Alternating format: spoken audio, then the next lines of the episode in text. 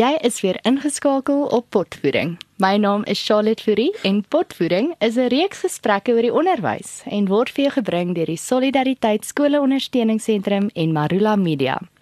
In die ateljee vandag, hier aan die voet van die Voortrekker Monument, gesels ek, Andrei Badenhorst en Johan Kokemoer, almal van die SOS, met Dr. Chris Marie Lahani. Nou Chris Marie is 'n senior dosent in opvoedkunde by Akademia en het 'n PhD in opvoedkunde met kurrikulumstudies as 'n koördineers en meestersgraad in hierdie dissipline aan die Noordwes Universiteit se Potchefstroom kampus verwerf. Chris Marie se navorsingsfokus is kurrikulumstudies, assessering, navorsing en besigheidsonderwys en daarom is sy ook perfek vir hierdie program. Welkom Chris Marie en Johan. Baie dankie, is lekker om hier te wees. Dankie Charlotte. Ehm um, Chris Marie, so waar ons vandag gesels is kurrikulum. Ehm um, en die rede hoekom ek dink hier is 'n baie belangrike punt is ek dink nie ons verstaan wat dit is nie. So ek gaan maak of ek niks weet nie eintlik om te skuil dat ek niks weet nie. So ek gaan die posisie inneem van 'n leek en ek gaan vra vra want ek wil hê ons moet kurrikulum mooi verstaan en en dan ook die proses van hoe om dit te ontwikkel en wat is ons rol en wat het dalk oor die laaste ruk gebeur met kurrikulum en want ek dink nie ons weet wat kurrikulum is nie. I mean een van die redes kan kan dalk wees omdat ons net praat van die KOBV. Ons ons sê nie kurrikulum hmm. en assesseringsbeleid verklaring nie. So ons weet nie wat is kurrikulum nie en dan meeste van ons wat die KBV lees, begin by hoofstuk 3. So ons het nog 'n bietjie daaroor gesels. So my eerste, ek weet nie hoe lank hierdie gaan vat nie, maar ek wil hê wanneer iemand dit luister, moet hulle weet wat is kurrikulum en hulle moet weet hoekom is dit so belangrik. En dit sal baie gaaf wees as ons kan wys dat kurrikulum is nie inhoud nie. OK, goed. So spring weg met ehm um, wat is kurrikulum? OK. So ehm um, Johanna, ek moet vir sê dit is waar dat mense dink 'n kurrikulum is gelyk aan die KBV dokument. Ongelukkig is dit nie so nie. So as jy mens gaan kyk en jy soek 'n presiese definisie van kurrikulum, gaan jy ook nie een kry nie. So daar is vreeslik baie beskrywings en definisies van oor die jare al van wat is kurrikulum. En mense het al begin argumenteer dat omdat daar so baie definisies is, beteken dit dat kurrikulum in die veld van kurrikulumstudies eintlik glad nie van belang is nie. En dat um, ons nie eens eintlik hoef te weet wat 'n kurrikulum is. Maar gelukkig was daar 'n paar mense wat gesê het nee nee nee, wag 'n mm -hmm. bietjie. Um dit is belangrik om te weet van kurrikulum en daarom is daar juis al hierdie definisies want dit is 'n teken van groei. En dissipline is nog besig om elke keer elke dag meer te ontwikkel ons nuwe bydraes. So daarom is daar nie 'n vaste definisie eintlik van kurrikulum nie. Nou 'n baie bekende persoon, Graham Joly, het geskryf dat kurrikulum kan gesien word uit twee perspektiewe. Nou ons praat van 'n noue perspektief tot kurrikulum en 'n breër perspektief tot kurrikulum. Nou 'n noue perspektief is tipies nou jy gaan kyk na die beleid, die KBV beleid of as ons gaan terugdink oor hoe kurrikulum sal oor die jare verander het vanaf kurrikulum 2005, die nasionale kurrikulumverklaring, die hersiene nasionale kurrikulumverklaring en dan uiteindelik waar ons nou is, die KBV. Dit is alles kurrikulum beleidsdokumente wat die departement van basiese onderwys vir die onderwysers gee om uit te voer of om te implementeer in die klas kom. En nou as ons gaan dink verder aan die noue perspektief, is dit regtig ook handboeke, syllabusse, leesbeplannings wat onderwysers doen. Dis alles nou. So dit is alles as ons gaan dink aan papierwerk. Mm. Dan breër kurrikulum dink ons aan die hele onderwysstelsel. So dit wat in jou klas gebeur, daai kurrikulum as praktyk, wanneer die leerders groepwerk doen, wanneer die onderwyser 'n uitstappie vat met die kinders iewers heen dalk na die voortrekker monument, mm. weet nooit. Um of selfs natuurlik enige ander goed buite kurrikulêre aktiwiteite so sport, kultuur. Al daardie aspekte is ook kurrikulum, maar vanuit 'n breër perspektief. So kurrikulum uit 'n breër perspektief kan ons praat van 'n makro, 'n meso en dan mikro vlak kurrikulumontwikkeling. En nou makro begin dan by die departement. Meso is gewoonlik jou provinsiale departemente en dan mikro is in die klaskamer self. So as ons gaan dink aan enige onderwysstelsel en al die komponente wat dit omvat, is dit kurrikulum uit 'n breër perspektief en ons wil graag eintlik mense juis bewus maak daarvan dat kurrikulum nie net 'n KBV dokument is nie. Hmm. Dit is alles wat in die onderwys gebeur. So as ek nou moet dink, kan ek sê dat kurrikuleer is 'n werkwoord wat iemand doen wanneer hulle ehm um, 'n kurrikulum pleeg. Is kurrikuleer is dit 'n werkwoord? Is dit 'n ding? Ja, so ehm daar's 'n bekende kurrikulum teoretiese gewees. Sy naam was William Poiner en hy het gesê die term kurrikulum kom van die Latynse woord currere wat eintlik beteken om 'n wedloop te hardloop. So dit is definitief um 'n werkwoord. So ander mense soos wat ook baie bekend is in die veld soos um Prof Leslie Lagrange um van Stellenbosch hy het ook gesê dat dit moet 'n aksiewoord wees. So ons is heeltyd omdat dit aan die beweging is en ontwikkeling is, is dit juis 'n 'n aksiewoord, 'n werkwoord, iets wat ons in die onderwys uitvoer, ja. So moet iets wees wat ons doen. Ja. So dit Okay, ek hou eintlik van die gedagte van 'n wedloop, nê. Nee. Ehm, um, wanneer die wedloop sê vir my in eerste plek 'n wedloop maak nie sin as jy alleen hardloop nie. Ja. Okay. Dis reg. Kan ek dit kan ek dit sê, okay? Dan saam met die voorbereiding van daardie wedloop is daar dalk 'n afrigter. Daar is ondersteuning by die huis wat dalk seker maak jy het wat jy nodig het. Ehm um, jy kom by die oefeninge uit. Dalk is daar 'n voetjie wat jy moet betaal vir die afrigter om jou af te rig dan is daar infrastruktuur nodig wat seker maak die wedloop kan gebeur. Dan moet 'n sportgrond wees. Dan is dit ook baie belangrik dat daar toeskouers is want 'n wedloop is net soveel lekkerder wanneer daar toeskouers is. Ehm um, dit moet divers wees in die sin van dat dit help nie net jy kompeteer die hele tyd teen dieselfde pool nie, want dan gaan jy nie groei nie. So jy moet kinders van ander skole ook nooi om aan die wedloop deel te neem. Ehm um, sodat jy kan bepaal of jy reg tot jou volle potensiaal hardloop. Ja, kan hierdie in ver vat. Okay. dan is dit baie belangrik dat daar 'n 'n wegspringplek is en dat almal op dieselfde plek begin. So dis 'n idee van gelykheid. Nee, ons almal begin op dieselfde plek. Maar ons almal eindig nie Ons is eindig op dieselfde plek, maar nie op dieselfde tydstip nie. Nee. Sê ek hoop mense wat nou hoor, hoor hoe ek hierdie parallelle nou trek met die huidige skoolstelsel. Waar die huidige skoolstelsel sê, "Goed. Ehm um, die departement is die toeskouer en ons wil kyk dat almal hardloop. Maar ons wil hê almal moet in dieselfde spoed hardloop. En ons wil hê almal moet gelyk oor die wenstreep kom want ons wil gelykheid bevorder." Ehm um, Ek dink ek gaan daai metafoor daar stop en dan wil ek hê jy moet kommentaar lewer daarop. Okay. Um so ja, dis baie waar. Um ons wil alles in 'n boksie pas en wil 'n sekere standaard bereik. So as ons gaan dink aan die KBV dokument, die beleid wat ons tans het, is dit 'n prestasie kurrikulum. Um so daar is 'n verskil tussen 'n bekwaamheidskurrikulum en 'n prestasiekurrikulum. Jy gaan net iets daaroor moet sê. Okay, dankie. Um so 'n prestasiekurrikulum um is meer gerig op sekere skoolkennis wat verwerf moet word binne 'n sekere tyd. So as ons gaan dink aan die KBV dokument is daar 'n tydskedule wat sê by elke vak jy moet van week 1 tot 3 moet jy sekere onderwerp met die leerders behandel. Um die probleem wat onderwysers wel in die gesig staar is hulle voel ja die departement kyk vir hulle en hmm. hulle moet binne daai um weke bly maar ons moet ook onthou dat die KPV dokument 'n riglyn dokument is. Kan jy daar net asseblief gou gewees sê? KPV se riglyn. Okay. Kom spel gou riglyn net om seker te maak almal hoor. Kan ons nie riglyn spel nie want ek is nie seker of dit 'n bakkie of 'n kolletjie in nee joke. So ja, dit is nog steeds die onderwyser wat moet gaan kyk wie is jou leerders en wat is skool konteks of leeromgewing is jy?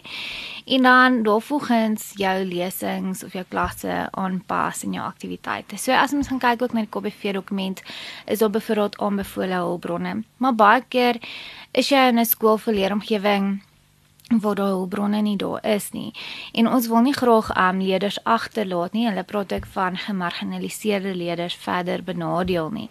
Um so ons wil graag dan ook vir die onderwyser aanmoedig om ander hulpbronne te gebruik hmm. en dit tot beskikking um vir die leerders ook daar stel om die suksesvol die uitkomste te kan bereik. Um so ja, mens moet definitief aanpas um volgens die um kurrikulum volgens die konteks wat jy het en wat jy in die gesig staar. Maar jy moet nog sekere uitkomste wel bereik in 'n mate, maar die tydverskil kan voorkom. Ja, so ek ek probeer dan dink ek het die naweek gesien van die A-bond en die B-bond en die C-bond atletiek byeenkomste. En ek dink ons almal wil graag deelneem aan die A-bond. So as ek trek dit nou weer terug na kurrikulum as 'n wedloop. Ehm um, en dan wonder ek aan die einde van hierdie wedloop of ons soos Paulus kan sê ek het die ek het die goeie stryd gestry, ek het wedloop volëindig en ek het die geloof bou. Dit dit ja. sal ek sou sê 'n gunstige kurrikulum sal daarmee resoneer. Dat as ons kinders uit die kurrikulum wat daar gestel is, uitstap en soos nie kyk wie hy gewen nie, nie kyk ehm um, of hy is die beste in die dorp nie, maar kyk of het hy tot of sy tot hulle volle reg gekom en het hulle dit waarvoor hulle geroep was gedoen. Maar as ek na die KBV kyk dan dan voel dit vir my amper of of dit nie noodwendig moontlik is en jy het nou gesê dis 'n prestasie kurrikulum. So 'n prestasie kurrikulum ehm um, sou ek dalk sê mik daartoe om te wen dit dis dis die doel. Die doel is om, om te wen. Die doel is nie noodwendig om te leer nie. Ehm um, en en ek weet nie dink jy kan dit sê? Ja, jy kan in 'n mate, um, want ons wil graag 'n sekere kriteria kry as ons gaan dink aan rapporte. Um, so 'n 7 punt skaal van hmm. jy het nou 7 is uitstekend of 1 is glad nie goed nie, vir hom voldoende. Um, so ja, ons koppel dit definitief aan standaardgerigte assesserings byvoorbeeld die um nasionale senior sertifikaat um in te meer so ja dit is definitief um 'n prestasie gerigte kurrikulum waar ons sekere goed net wil bereik om dalk so gou as moontlik leerders deur die onderwysstelsel te kan kry om in die beroep te kan staan en jy's met die doel om by te dra tot ekonomiese groei. Dan hmm. begin onderwys um se doel heeltemal verskuif van die passie daarvoor, die roepingsgedrewenheid daarvoor en dan word dit eintlik net 'n instrument vir loopbane, ekonomiese groei en te meer vir die land. OK, so daai maak nou 'n nuwe blikwurms oop. Want ek onthou gesprek van Werner Riemann met die is dit die Mbeki stigting waar die stigting het aangevoer dat die doel van skool is vir is ekonomies van aard. Ehm um, so die doel van skool is om 'n kind in 'n beroep te kry. Ehm um, om seker te maak hierdie persoon kan dan eintlik maar op 'n vandag belasting betaal. Ehm um, die doel is nie om klomp entrepreneurs groot te maak. Ek kan onthou, ek dink dit is die 60s toe ehm um, Amerika heeltemal 'n koersaanpassing in hulle kurrikula gemaak het omdat Rusland gelyk het of hulle voor hulle op die maan gaan land. Dit was die die spysreis era en hulle het besef goed ons kort kundigheid en al hoe ons hierdie kundigheid kan kry is deur te kyk na hoe hoe werk skool. En en nou dink ek weer ek en Charlotte het ook al hieroor gepraat oor ehm um, die invloed wat Taylorism het eintlik op ons kurrikula sonder dat ons dit weet. Ehm um, en ek dink amper in een van my modules het ek geleer oor die invloed van ehm um, Taylor op kurrikulum. En, en jy kan nou vir my sê was is ek reg? Maar Tyler ja. was is hy was nie opvoedkundige nie. Ja, Tyler was een van die mense wat ehm um, bygedra het tot kurrikulumontwikkeling en hy is natuurlik nog steeds deel van die KBV dokument. Ja, um, so maar hy sal dood. Ja, so hy het vier um doelwitte of vrae ons geskep en gesê ons moet opvoedkundige doelwitte bereik en hy was baie oor die instrumenteel. So jy is heeltemal korrek, hy um Taylor verband hou met um verband trek met die KBV dokument. So dit is hierdie instrumentele logika wat hy hmm. gevolg het met hierdie uitkomste. En as ons gaan dink in 'n mate is die KBV dokument ook nog steeds uitkomsgebaseer met al die uitkomste wat daar tans is wat bereik moet word. Maar is 'n risiko van die kyk ek verstaan die positiewe deel van uitkoms gebaseer. Ehm um, maar half die gedagte wat ek sien dat Taylor ook gedruk het was die produksielyn gedagte. Mm. So ehm um, elke kind kom uniek by die skool aan, maar hulle stap dieselfde by die skool uit. En en dit dis die werk van standaardisering is om dit reg te ja. kry. Ehm um, want tipies in die era van die fabriek Ehm um, wil jy nie hê mense moet krities en kreatief dink nie, want as jou werk is om drie moere op 'n enjin vas te draai en jy moet dit doen so vinnig as wat dit menslik moontlik is en so akkuraat as menslik moontlik. Wil jy nie hê die persoon moet vra is moere in 'n enjin regtig nodig of is daar 'n beter manier? En ehm um, kan ons dalk hierdie vinniger doen of of of slimmer of is dit moontlik om my uit hierdie produksielyn uit te haal en hierdie te outomatiseer? Jy wil nie hê daai persoon moet op enige gegee oomblik binne in die produksielyn dink nie, want dan gaan hy 'n bottleneck veroorsaak. Nou kan ek dink ek sou 'n baie slegte fabriekswerker gewees het. Hmm. Want ek sou die hele tyd gedink het, hoe kan ons hierdie ding ehm um, ek wil sê beter, maar dan gaan dit nou teenspreek met wat ek wil sê, maar hoe kan ons dit anders doen? Is daar ander maniere? Ek ek sou die hele tyd gestaan het daar en en dink. En nou dink ek aan 'n stuk wat Tyler gesê het is dat dinkwerk moet nie deur die werkers gedoen word nie. Dinkwerk moet deur die bestuurders gedoen word. En ek ek voel dit in die KBV. Waar ons het hierdie bevoegde onderwysers wat die vermoë het om die wêreld te verander. Wat 'n uh, 'n gebroke stelsel gebukkend dra al vir 25 jaar die feit dat ons enigsins presteer is eintlik 'n wonderwerk. En ek dink nie ons reflekteer genoeg daarop nie, want ons is in 'n um, ehm, ons is in 'n in 'n stelsel wat eintlik uh denke uh, nie nie aanmoedig nie. So nou nou nou nou is hierdie departement staan hier. Hulle is nie hulle is nie eers eintlik toeskouers nie, want 'n toeskouer se werk is om jou aan te moedig om beter te wees en om om jou tot jou volle reg te kom. Hulle is meer soos daai daai polisiebeamptes wat vir die toeskouers kyk, wat nie eens vir die wedloop kyk nie. Ehm um, hulle kyk glad nie eens vir die wedloop nie, maar hulle is net daar om te probeer orde hou. Ehm um, maar hulle het eintlik geen begrip van die van die van die wedloop van die wat eintlik in die kurrikulum aangaan nie. Nou sien ek hierdie vakadviseurs en hulle stuur skrywers uit en hulle sê mense moet dit doen en dit moet gebeur en teen daai dag moet dit ehm um, in plek wees en jou kind moet dit leer op die ouderdom En die aanname is dat hulle weet wat hulle doen. Maar al ons het die laaste ruk kon regkry om beter resultate te lewer is deur die die lat van die hoogspring uh, plekkie te sak. Ehm um, en en ek ek voel in my hart nie gemaklik met die gedagte dat ons ehm um, suiwere prestasie kurrikulum volg nie. Nou of jy met nou my hart rustig maak of jy met nou vir my sê Johan, jy is verkeerd. Prestasiekurrikulum is die beste wat ons land en ons kinders nodig het om vry, veilig en voorspoedig te wees in die suidpunt van Afrika. Okay. So daar is voordele en nadele aan 'n 'n prestasiekurrikulum. So ja, jy het definitief die nadele aangespreek. Okay, goed. As ek sou ek sien baie uit vir die voordele. die voordele is wel um alhoewel daar spesifieke skoolkennis voorgeskryf word in die kurrikulum en die riglyn vir wanneer wat moet gebeur, is dit daarom daar vir die onderwyser om vanaf te werk. So as ons gaan terugdink aan kurrikulum 2005, was daar 'n meer bekwaamheidskurrikulum. So die hele ding was gefokus net op alledaagse kennis en dit wat die leerders nou weet en daar was nie voorgeskrewe boeke nie. So die boeke of die handboeke of die leermateriaal is saamgestel deur 'n onderwyser.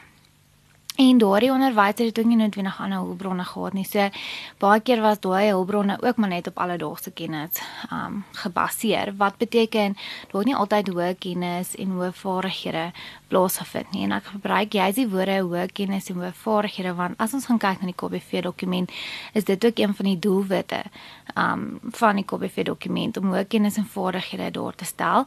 En alhoewel daai riglyne en so meer daar is, moet ons dit sien as riglyne hmm. en nie as die einde van die wêreld as jy dalk nie daai binne 3 hmm. weke iets gedoen kry nie. So dit is belangrik om dit in ag te neem.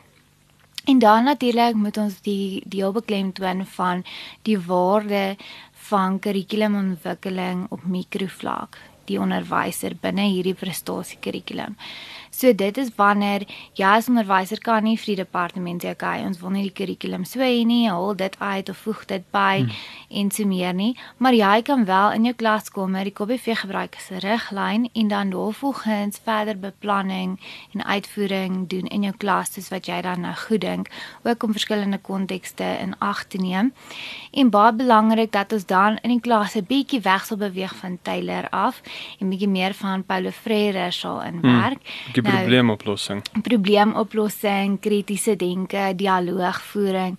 Um so jy kan nog steeds daai kurrikulum gebruik, die riglyne, die inhoud wat vir jou gegee word, maar jou manier van onderrig gaan net 'n bietjie verskil. Dit is waar jou ware as 'n onderwyser hmm. is soveel meer belangriker is. Jy is in die kurrikulumontwikkeling proses. Ja, Andre, ehm um, ek dink ook nou nog 'n goeie vraag hier. Ja. So wat nou aansluit by hulle gesprek en hy vra wie is die rolspelers wat hierdie kurrikulum behoort te beïnvloed?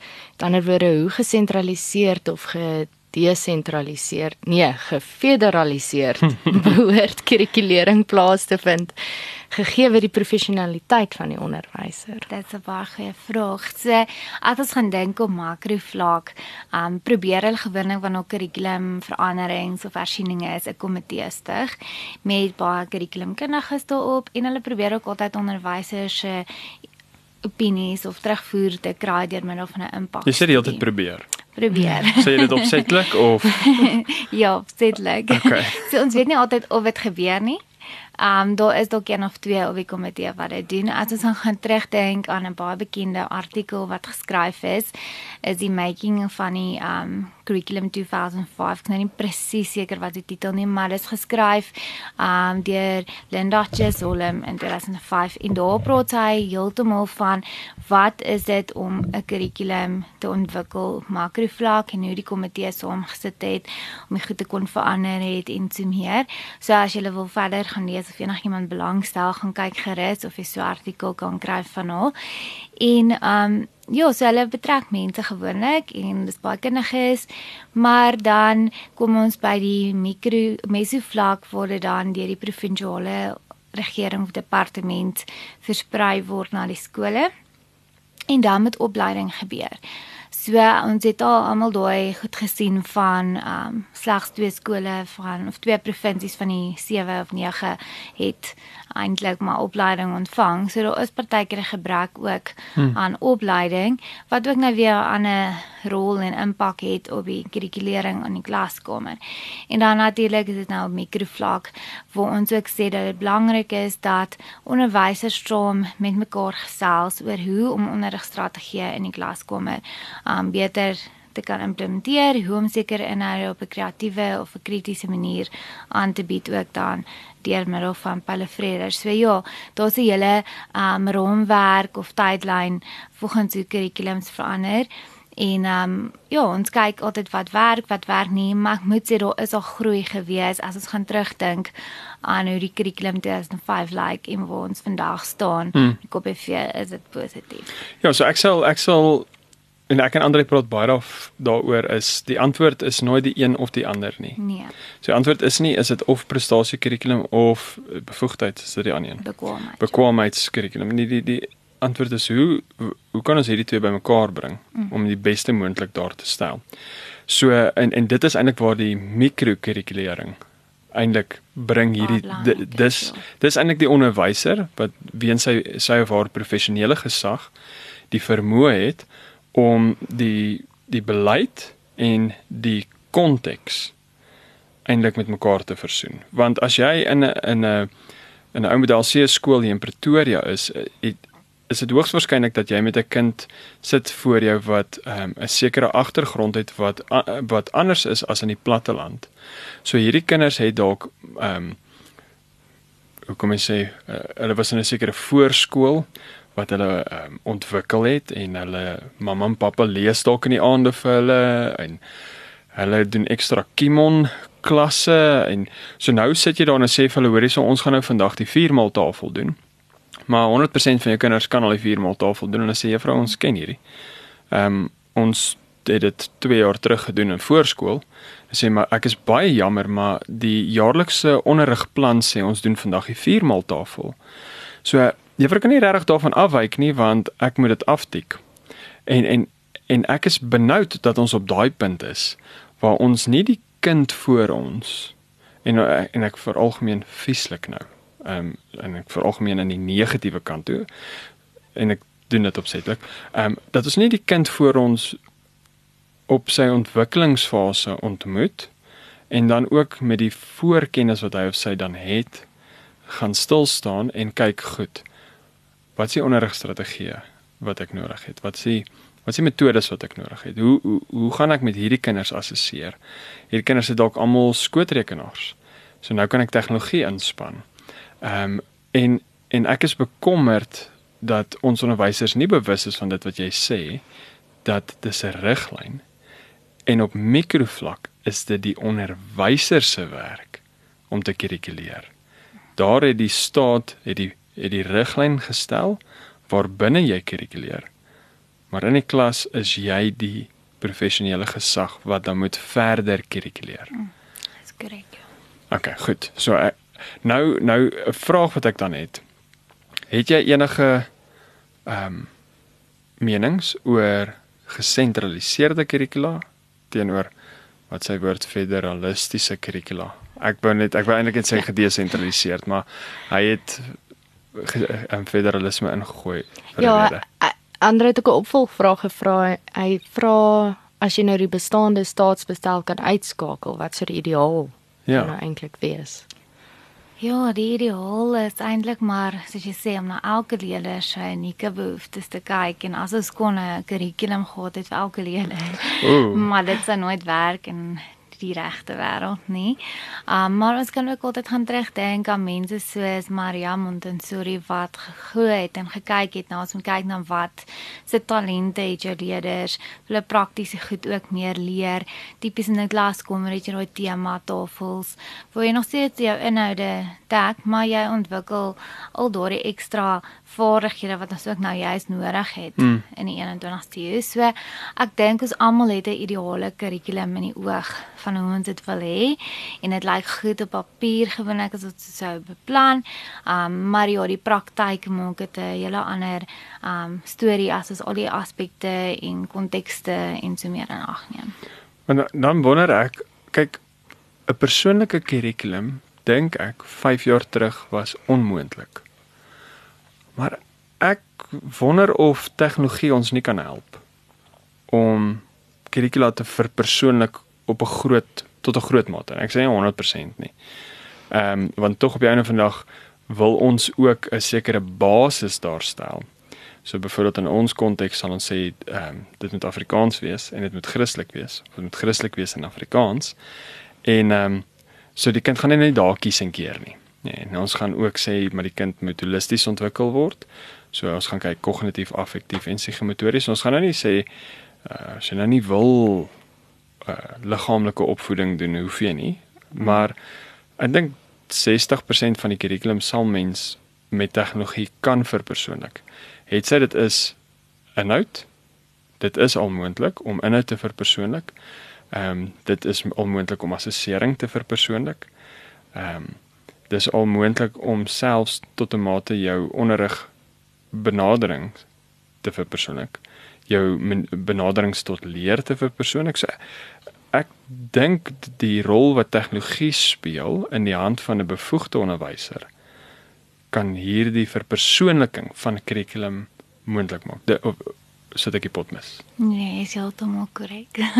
Ja, ek dink dit is moontlik van beleidsvlak af nie. Verstaan Ja. daar Nee. hierdie kan slegs op die grondvlak gebeur met die Ja. regte opvoeders wat daardie daardie proses fasiliteer om daai verpersoonlik mm, Ja. verpersoonlik te Definitief. leer en kurrikulum dan nou moontlik te maak. ja. Maar dit beteken dat ons onderwysers moet kan kurrikuleer. Hmm. En ek kan verkeerd wees, maar dit lyk vir my of jy 'n bedreigde spesies is. Ja, ons is. En ek weet nie of julle al die wat se WTF Foundation geraak het v- as deel van die bedreigde spesies groep en ons kan vir julle fondse werf, nie? Goed. Ehm um, maar ho hoekom is julle dan 'n bedreigde spesies? Ehm um, as kurrikulumkundiges. Ek ek ek ek's op LinkedIn die hele dag op soek na kurrikulum spesialiste. Ehm um, en ek kry nie. Ek kry nou wel learning design specialists, dis nou die nuwe ding. Ja. Ehm um, maar ek kry dit nie. Jy jy vir my rede hoekom nie of het jy vir my die grot waar ek hulle kan gaan uithaal? Ehm um, okay, so ek dink die groot rede daarvoor is dat mense nie weet wat is curriculum studie nie. So hulle gaan studeer dit nie regtig mm. of nie graag nie. Mm. En dan is daar gewoonlik die stigma van curriculum studies is baie abstrakt en is moeilik. So moenie ooit inskryf vir 'n curriculum program nie, mm. maar eintlik jy gaan dalk eendag in die departement moet werk ja. as jy as jy self spesialiseer daar. Dis 'n groot ding. En mense weet nie wat kan jy doen met 'n curriculum mm. kinde um kwalifikasie mm. eintlik nie. So daar's so baie wat jy kan doen. Jy kan jou klaskamer baie beter as onderwyser gaan implementeer. Jy kan bydra as 'n vakhoof, dalk later 'n skoolhoof, mens weet nooit. Hmm. En natuurlik kan jy 'n kurrikulumontwikkelaar word, jy kan 'n dosent word want as ons dink aan kurrikulumstudies en as ons dit gaan studeer, um omvat dit eintlik baie aspekte soos e-leer, tegnologie, assessering, gewone onderrig en leer, natuurlik jou suiwer kurrikulum modules en dan kurrikulumontwikkeling hoe om dit te doen. Natuurlik dan op die verskillende vlakke ook en dan baie belangrike aspek navorsing want dit is ook 'n groot deel van kurrikulumkunde jy moet kan navorsing doen. Elke dag waar die goed verander. Hoe kan jy verbeter in die klaskamer en om hoogte te wees van die nuutste tendense? So elke onderwyser moet 'n spesialis wees Eintlik. En kan kurrikuleer. Ja, so, so so hoe kry ons dit reg? Want ek, want dit voel vir my of ons onderwysers dink die verantwoordelikheid van kurrikulering lê op die makrovlak. Hmm. Dit is dis dis hmm. al wat ek observeer dat ek, ek moet ek moet suiwer die inhoud wat vir my gedikteer word teen die gegeewe tyd afhandel. Dan is hmm. my werk gedoen. Ja. Ja, dit is so definitief ek dink um die opleiding nog nie oral gebeur nie en almal hmm. weet nie wat kan hulle doen op skoolvlak of in die klaskamer en so meer nie. So daarom is dit so belangrik om juis um klein kursusse oor kurrikulum, gedurende onderwysers te kan oplei oor tegnologie soos jy ook nou nog gesê het, al daardie goeders te kan doen sodat hulle weet hoe om daai kurrikulering in die klas te kan uitvoer. Ja, ek dink dit is ook een van die grootste uitdagings want kyk as jy kos kom jy kom nou vars uit universiteit uit jy begin jy skool te hou daar op dag 1 eerste 2 dae se hardlopery om reg te maak vir die derde dag en van daar af ja. is daar nie weer tyd om eers twee keer te dink nie maar dis amper elke jaar se storie verstaan ja. daar is as jy eers daar binne is, dan moet jy hardloop. Daar's 3 mm. minute se wisseltyd tussen. Loop. Ja. Hy loop en jy kan ook net 'n vinger verloor as jy iewers nie ja. betyds ja, opdaag ja, ja. nie. Ja, dit is baie moeilik. Maar ek dink dit as ons nou dit nou weer terugbring na ons gedagte van kringonderrig. Mm. Ek dink kurrikulering in vandag se tyd as 'n individu is amper onmoontlik want die die beperking op tyd en dan ook die die grootsheid van beskikbare hulpbronne saam met die beperking van tyd maak dit eintlik vir 'n 'n onderwyser 'n verlammende taak soos dis te groot. Ek kan onthou toe ons net begin dink het oor kurrikulum is dit dit het so groot gevoel dat jy gevoel okay wag. Ek gaan maar gou eers iets anders gaan doen wat ek kan afhandel. Ek sal later terugkom na hierdie een toe. Hmm. En en totdat mens begin 'n span om jou posisioneer en jy as 'n span kan saam kurrikuleer. Ehm um, en ek dink ek dink is in Japan wat hulle hulle lesson study waar hulle eintlik as 'n as 'n groep onderwysers saam sit en beplan. En en dit bring die onderwys net op 'n ander vlak.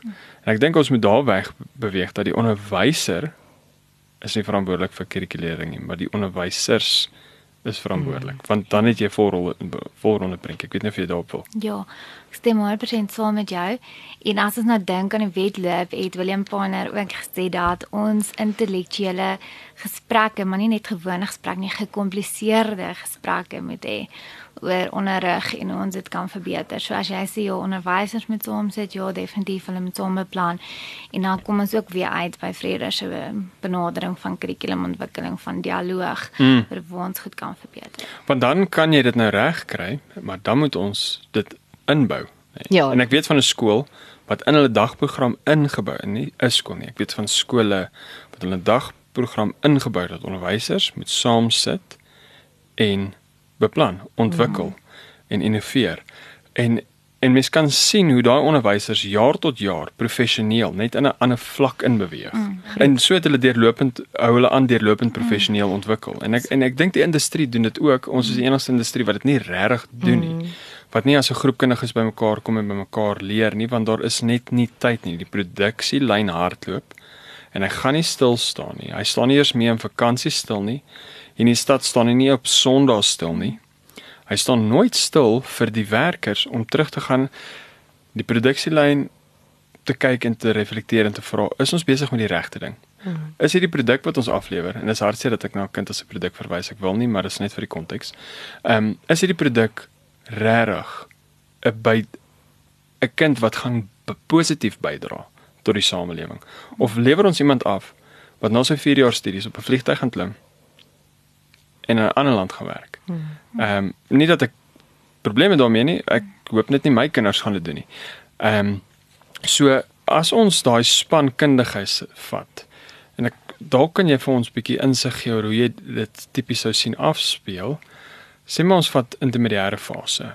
Nou het jy 6 vakke. Maar almal is eintlik al die onderwysers in daai fase dink ek ses vakke is generaliste. Hulle is nie spesialiste nie. Hulle is nie veronderstel om spesialiste te wees nie. Hulle moet hulle moet eintlik 'n hulle moet die wye perspektief hê van vak in dit sodat hulle kan sien hoe wiskunde en die NW met mekaar praat en so meer. Nou sit jy daai groep bymekaar. Nou tradisioneel het jy jou wiskunde departement bymekaar gehad en hulle het geïsoleerd gekyk na wiskunde. En waar hulle kan, het hulle dit het hulle die argument gevoer dat wiskunde moet meer tyd kry, kleiner klassies kry, meer personeel kry. So hulle het absolute saak gemaak vir wiskunde wat ek kan verstaan. Maar dit was baie keer ten koste van Afrikaans of ten koste van EBW. En iemand iemand moes die las optel wat kapasiteit oopgemaak het vir die wiskunde departement. Maar nou as jy die NW juffrou of meneer en die SV en die EBW en die Afrikaans en wiskunde persone saamsit en sê goed. Ons werk hier met 'n intermediêre fase kind So dis 'n kind wat tipies 10 tot 12 jaar oud is. En hoe kan ons hierdie kind se potensiaal ontsluit? En hoe kan ons die inhoud wat vir ons voorgeskryf word gebruik om 'n sekere profiel van 'n kind af te lewer wat gunstig is vir die samelewing? Hoe hoe versien jy sal so 'n groep saamwerk of of dink jy dit is onrealisties vir my om dit te droom? Nee, dit is 'n baie goeie droom en ek hoop dit kan realiseer. Okay. Ehm um, so dit kan definitief werk. En ehm um, ja, ek dink as mens weer kan terugverwys dit gaan 'n gekompliseerde gesprek ja, ja wees. Ja, warm. 'n Warm een want elke persoon van onderwyser het mos maar 'n sagte plekjie vir sy hmm. vak wat hy gaan aanbied. So almal wil maar nie daai las op hulle nie. So ja, dit gaan gekompliseerd wees en daarom is dit jy so belangrik om 'n strategiese beplanning te doen um, om te sê, okay, hoe gaan ons in geheel hierdie leier ontwikkel in al hierdie vakke sonder om enigiemand te kan benadeel. Maar ja, dit is definitief gekompliseerd en ek hoop definitief daar is in die toekoms vir ons meer antwoorde daarop. En ehm um, en ek dink ons moet nie meer gekompliseerde gesprekke vermy nie. Ek dink dit is tyd dat ons hulle moet moet voer. Ehm um, knik jy vir my want die tyd raak min. OK. Ehm um, so dan moet ek die ja, so dit is kwai met die tyd. Ehm um, so die die die volgende ding wat ek net graag wil hê met saam met ons dink, net dalk 'n mening gee. As ek kyk na die KBV, is hy geskryf in fases. En jy het jou grondslagfase, graad 1 tot 3, ek dink hulle sluit nou R in.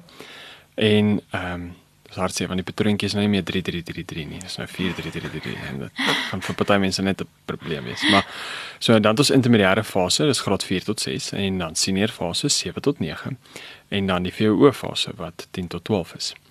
En ek vermoed en en ek kan sien dat die persone wat daai fases so opgebreek het, het hulle huiswerk gaan doen want dit stem nogal mooi ooreen met die ontwikkelingsfases ja. van kinders.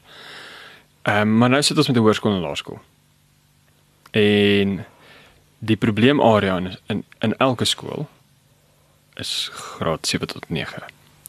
Dissipline gewys. Dis ook waar torre begin afval waar waar jy ehm um, ek kan onthou ek self graad 8 ook gehad waar die die ry na die eerste kwartaal se rapporte uitgedeel was om die blok gegaan het. Ehm um, en 3 ure nie genoeg was om al die ouers te sien nie. Want my kind het altyd so goed presteer. En nou sy in graad 8 en nou ewe skielik is dit asof laerskool nooit gebeur het nie.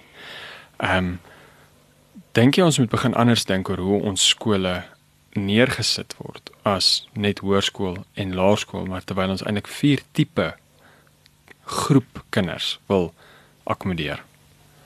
Ja, definitief. So die probleem wat jy eintlik uitwys ook is die oorgang van byvoorbeeld graad 7 na graad 8 of selfs as mens gaan dink van graad 12 na universiteit. Hmm. So mense sien baie gesprekke altyd daaroor wat sê leerders is nie op die regte vlak as hulle van die een fase dan na die ander moet gaan nie. So dit dit sal baie goed wees as 'n mens later kan seker maak dat daar goeie progressie plaasvind vanaf graad 7 na graad 8 deur jou vakke te integreer, jou fases dalk te integreer, ander maniere van onderrig um te kan doen maar ongelukkig ja tans die skole soos wat dit is het hierdie probleem selfs as mense gaan dink aan skole waar daar laerskole en hoërskole as een um, hmm. Aangebied word is daar nog steeds daardie gaping um juis omdat die inligting of die vakke nie geïntegreer is met mekaar of die mhm. inhoude nie geïntegreer is nie. So integrasie is vreeslik belangrik en dit kan help om daai oorgang en progressie wat probleme veroorsaak te kan verminder. Dis eintlik 'n goeie punt. Ek dink ons ons kan by mhm. gekombineerde skole 'n paar van hierdie ondersoeke gaan doen. Dis eintlik 'n baie goeie mm. punt want en, en en ek sien nie gekombineerde skole baie van hulle het ook 'n hoërskoolhoof en 'n laerskoolhoof, maar dis ja. dis een skool, né? Nee? Ja. Maar dan het hulle nou iemand wat kyk na die hoërskool en na die laerskool. Ja maar hulle sit eintlik in 'n gunstige posisie om die fase van 7 tot 9 saam te voeg want nou het jy 'n kind wat in 'n fase is maar hy's in 'n ander skool. Mm. Nee.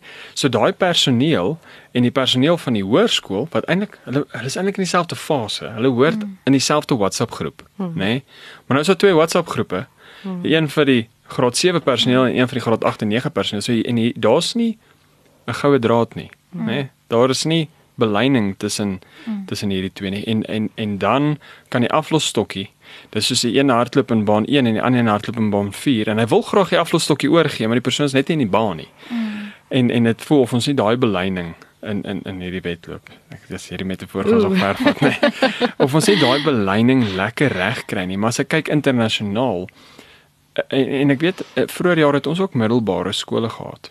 Ehm um, En en dis eintlik 'n deel van kurrikulum is eintlik hoe gaan ons hierdie laat plaasvind. Ehm um, ons het net nie meer 'n middelbare skool nie. Ons het 'n middelskool in in Amerika hmm. of in in ander lande ook wat eintlik dissipline werk anders met daai kind. Hmm. Want hy's hy's amper mens. Ehm um, en hy's in sy oorgang van van wese na mens, nê. Nee. Ehm um, so dis 'n grappie vir die wat nie my gesigsuitdrukking gesien het nie. Ehm um, nou dink jy dat as daar so 'n oplossing op die tafel kom dat ouers dit sal verstaan of dink jy die die nostalgie na hoërskool en laerskool is net te groot of dink jy dis iets wat ons mense sal aangryp ek dink is nogal iets wat mense sal aangryp ek dink um, nou moet wel gesprekke met hulle gevoer word gekompliseerde gesprekke ja en 'n bietjie um, hulle koppe ook oopmaak oor die moontlikhede en die alternatiewe wat dit bied. So ja, nee, ek dink definitief dis 'n opsie. Ehm um, en dan die die die laaste vraag is ehm um, ek dink dis my laaste vraag. Is ons sien nou sien nou hierdie vraag. Ehm um, uh, as ons nou onlangs in Amerika en daar is kurrikula 100% gedesentraliseer. So 'n skool kan vir wiskunde 'n heeltemal 'n ander kurrikulum volg as wat hy vir Afrikaans. Okay, dit definitief nie Afrikaans nie. Daar is 'n vingerfout. Ehm um, wat hulle vir Engels het en of wat hulle vir social studies het. En ehm um, en en elke skool binne 'n distrik lyk like anders. Maar ek sien hulle distrikte poog na na standaardisering want ek kan net dink wat se uh, kopseer is dit vir 'n distrik om is gestandaardiseerde toets op te stel terwyl almal kan hulle legkaartjie bou soos wat hulle wil. Waar hier by ons het ons 'n een stuk legkaart en almal moet nou die een stuk legkaart bou en dit voel amper asof die enigste manier wat jy dit kan regkry en dit is en maak eintlik sin is deur die standaard te vervlak want 'n een stuk legkaart bou mens redelik maklik nê. Jy sit letterlik net die stuk op die tafel dan sy gebou. Ehm um, so dit was nou nie 'n baie ehm um, stimulerende oefening nie en dit sal nie iemand terugbring om dit weer te doen nie. Nou watter ruimte het ons onderwysers om die KBV te vat as die minimumstruktuur en dan die legkaart uit te bou om die prentjie van die legkaart te verander vir die konteks van die kinders voor hom. Is de, is daar ruimte vir dit? Daar is ja. Ehm um, dit gaan afhang van jou as onderwyser of jy dit gaan kan doen en ook binne jou skoolkonteks. Ehm um, die mense som met wie jy werk natuurlik jou graad of jou skool of jou mentors wat jy het daar.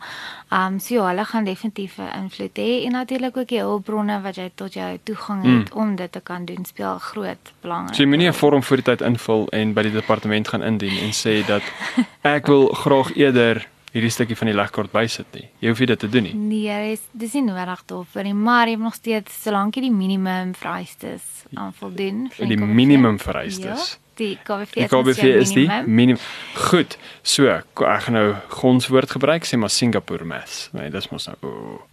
Ehm um, nou sê ons skool vir intermediêre fase wil ons Singapore Maths doen. Nou gaan besoek ons Singapore en ons kom agter nee. Singapore doen nie Singapore Maths nie. Singapore Maths word in Amerika gedoen. Gaan ons maar Amerika toe, dan gaan doen ons Singapore Maths daar want in Singapore doen hulle net maths. Ehm um, kry ons daai Singapore Maths kurrikulum. Ons kom kyk na die konteks van ons land, van my skool en ek herverpak hierdie. Ek kyk na wat die KBV sê wat se minimum. Ek trek dit daarin en ek maak 'n nuwe wiskunde kurrikulum. Kom ons sê 'n KBV+. Ehm um, en ek stel dit dan neer as 'n openbare skool en ek sê dit is hoe ons wiskunde doen by hierdie skool. Mag ek dit doen? Ja, ek kan dit doen solank Jy sê jy kan. Jy kan. Ek vra mag jy? jy kan solank jy net by die riglyne bly en die uitkomste is in die doelwitte van die KBV. Ek weet nie of ons dit weet nie. Ha?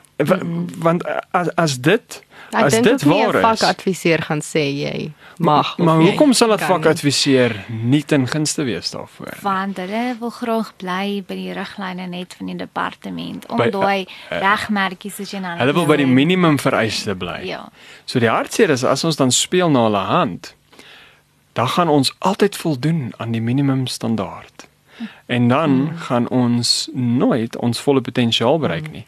Jy gaan saam met die massas die wedloop eindig almal op 100 meter gehardloop in 6 minute en 14 sekondes en ons is oor die lyn en ons en niemand klap hande nie want niemand wie kyk 100 meter wedloop vir 6 minute lank so dit was nie baie opwindend nie intussen die mense snoepie toe gegaan en eerder hulle tyd daar gaan spandeer maar in elk geval nou voel jy goed want ons is almal hier oor en ek het die minimum vereistes wat van my verwag was, het ek bereik.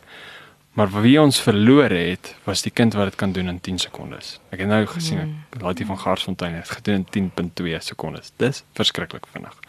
Maar in elk geval, so watter verantwoordelikheid het ouers dan want in ek weet in die FSA dring ouers aan en sê ek soek nie die kurrikulum in my kind se skool nie. Die die kurrikulum met die kritiese rasteorie. En dan sê hulle, gooi daai weg. Hierdie is nie vir ons gemeenskap nie. Ons gemeenskap soek iets anders. Ons soek 'n klassieke benadering tot onderwys. En dan die, die gemeenskap maar ek kan nie onthou of ek al ooit van 'n ouer gehoor het wat skool toe gegaan het en gesê het ehm um, weet jy die KBV ek wil julle met hom verryk en hom aanpas en hom verdiep en ek wil hê jy moet entrepreneurskap en besigheidstudie bevorder. Ek gooi daai in vir jou vir as jy iets oor dit wil sê. Ehm um, en Nee, ons sal eerder ons kind uit die skool uit. Hmm. Terwyl ons kan eintlik gaan en vra wat kan die skool meer doen? En ek weet die skole wat meer doen, wat ekstra goed inbou ensovoorts, maar dis alles op die reeds oorgelaaide onderwysers se rug. Ehm um, watter rol dink jy en sal dit moet ek nou afsluit? Watter rol dink jy die gemeenskap eintlik om dan aanspraak te maak op 'n verbeterde KBV binne in die skool van hulle konteks? Okay, dis 'n baie goeie vraag en ek dink dit gaan so met ons hoop eintlik dat die departement dit aan ag neem met die volgende hersiening van die KBV. Um wat gebeur dit, weet jy? Ek is nie seker net gehoor daar is besig met prosesse en smeer ek weet nie hoe ver is hulle daarmee nie. Um so Johannes dalk vir jou 'n guldige geleentheid ja. om um, nee. voorstelle op tafel te gaan kry. En ja, dit is dalk die toekoms musiek, ek meen dit nooit maar um ongelukkig soos jy sê, um is dit op hierdie stadium van so 'n aard dat die onderwysers oorlaai is en gewoonlik doen hulle net die minimum. So ek dink ons ouers het 'n groter verantwoordelikheid om daar te vra is hierdie relevant? Is dit nodig? Kan dit verdiep? En uh, soos wat ons maak met die rugby, wat ons sê, hoorie so, daar's nuwe tegnieke. Ek soek dit op daai sportveld. En dan staan die pappas staan met die oefening staan hulle en kyk. Nê? Nee, hulle staan met die oefening. Dis nie eers die my tyd die ouers een keer in 'n maand dalk 'n wedstryd kom kyk, nê? Nee, hierdie ons ouers kyk nou al die oefening om seker te maak die gehalte beheerproses ehm um, word getik. My vraag is gaan ons ons ouers kry om te kyk na die onderrig en leer wat plaasvind en die kurrikulum wat gebruik word en kan ons as toeskouers dan sê maar ons kan meer. En nie ons kan meer vir ekonomiese redes nie. Net ons kan meer want ons kinders is tot meer in staat of ons kan beter want ons kinders is tot meer in staat of ons het nodig dat ons kinders entrepreneurs word. Want ons het ons het die land is die beste land vir entrepreneurs want ons het lekker probleme wat opgelos moet word. Mm. Ehm um, en ek dink dis my afsluit gedagtes dat ons moet meer betrokke raak daarbey soos wat ons betrokke raak by buite kurrikulêr. Daar's eintlik nie iets soos buite kurrikulêr nie. Nee. Uh, dis eintlik wat ek afgelei het van jou. Ja. Alles is kurrikulum. Ja, jy sien, ja. baie dankie, dit was nogal cool. Ja, dankie Chris Marie, jy jy het hierdie wedloop nou ordentlik mm. Laat wegspring. Ons het nou 'n klomp aflosstokkies hier in ons hande wat ons nou aan die luisteraars, ouers, onderwysers, gemeenskapslede, wie ook al julle is, vat hierdie aflosstokkie en hardloop verder. Ehm um, en dit is dan nou die einde van nog 'n episode van Potvoeding. Soek ons op Google Podcast, iTunes, Spotify, YouTube en 'n paar ander. Besoek ons ook gerus by skole.co.za of stuur sommer vir Johan 'n e-pos by Johan en ek mag nie meer sê op sterk nie, so dis Johan by skole.co.za as jy saam wil gesels. Dink saam, praat saam en doen saam, want saam kan ons die blink toekoms van Christelike Afrikaanse onderwys in Suid-Afrika verseker. Tot volgende keer.